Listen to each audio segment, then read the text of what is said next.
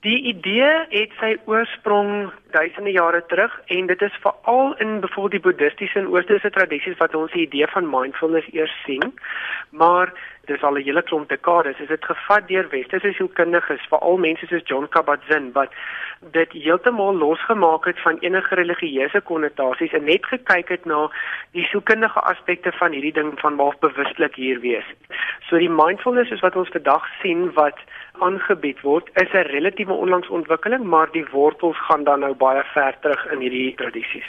Hoe help dit om depressie okay. teen te staan? Dit help op verskillende vlakke. Die een is dat mense wat mindfulness oefeninge doen vir 'n sekere tyd, se breine verander fisiologies.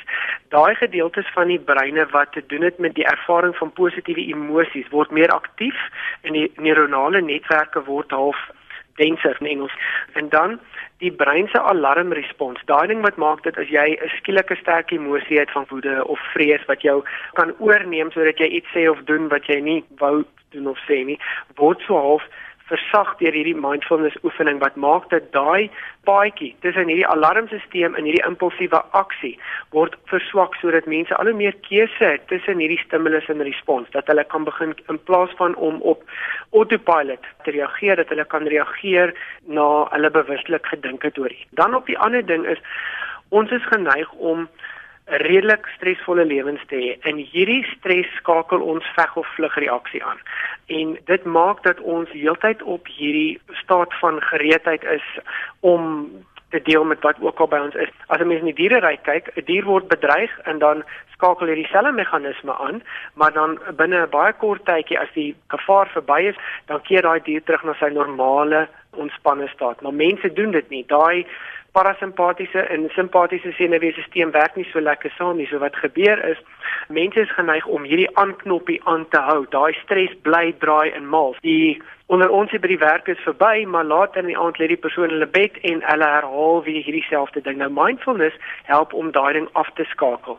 So dis maar 'n paar van die maniere waarop mindfulness werk. Hoe kan 'n mens dit aanleer sonder om sakke vol geld te spandeer? Die goeie nuus is mindfulness hoef jou nie 'n sent te kos nie. Daar is kursusse wat mense kan neem. En van hierdie kursusse is baie duur, maar die oefeninge in die hart van mindfulness is baie eenvoudig. Die moeilikheid is om dit gereeld te doen. So dis maar net daai bietjie dissipline en die moeite wat nodig is. Mense kan vir hulle 'n boek koop oor mindfulness en dan heel eenvoudig die oefeninge volg dis wel goed net vir praktiese doeleindes as mense dit vol saam met ander doen want daar's meer motivering by betrokke dit kan die hele proses meer aangenaam maak maar dit is glad nie nodig nie so deur 'n goeie boek soos deur iemand van John Kabat-Zinn of Mark Williams of John Teasdale of Eckhart Tolle of een van hierdie mense te kry, dit deur te lees en dan te begin met die praktyke wat regtig vir hulle waarde het en dan geleidelik op te bou. Dis ook belangrik om nie te veel te probeer afbyt nie want wat mense dan baie keer doen is mense begin met 'n groot hoera maar hou dit dan nie vol nie.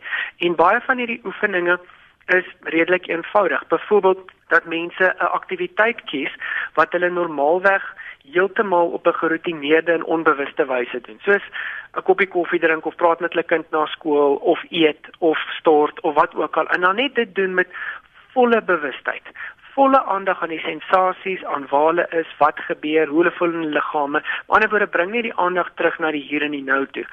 So hierdie mindfulness praktyke dan almal net in gemeen dat hulle ons terugbring uit hierdie geneigtheid om in ons koppe te wees en in die toekoms en in die verlede om hier en nou in ons liggame gesentreerd te wees.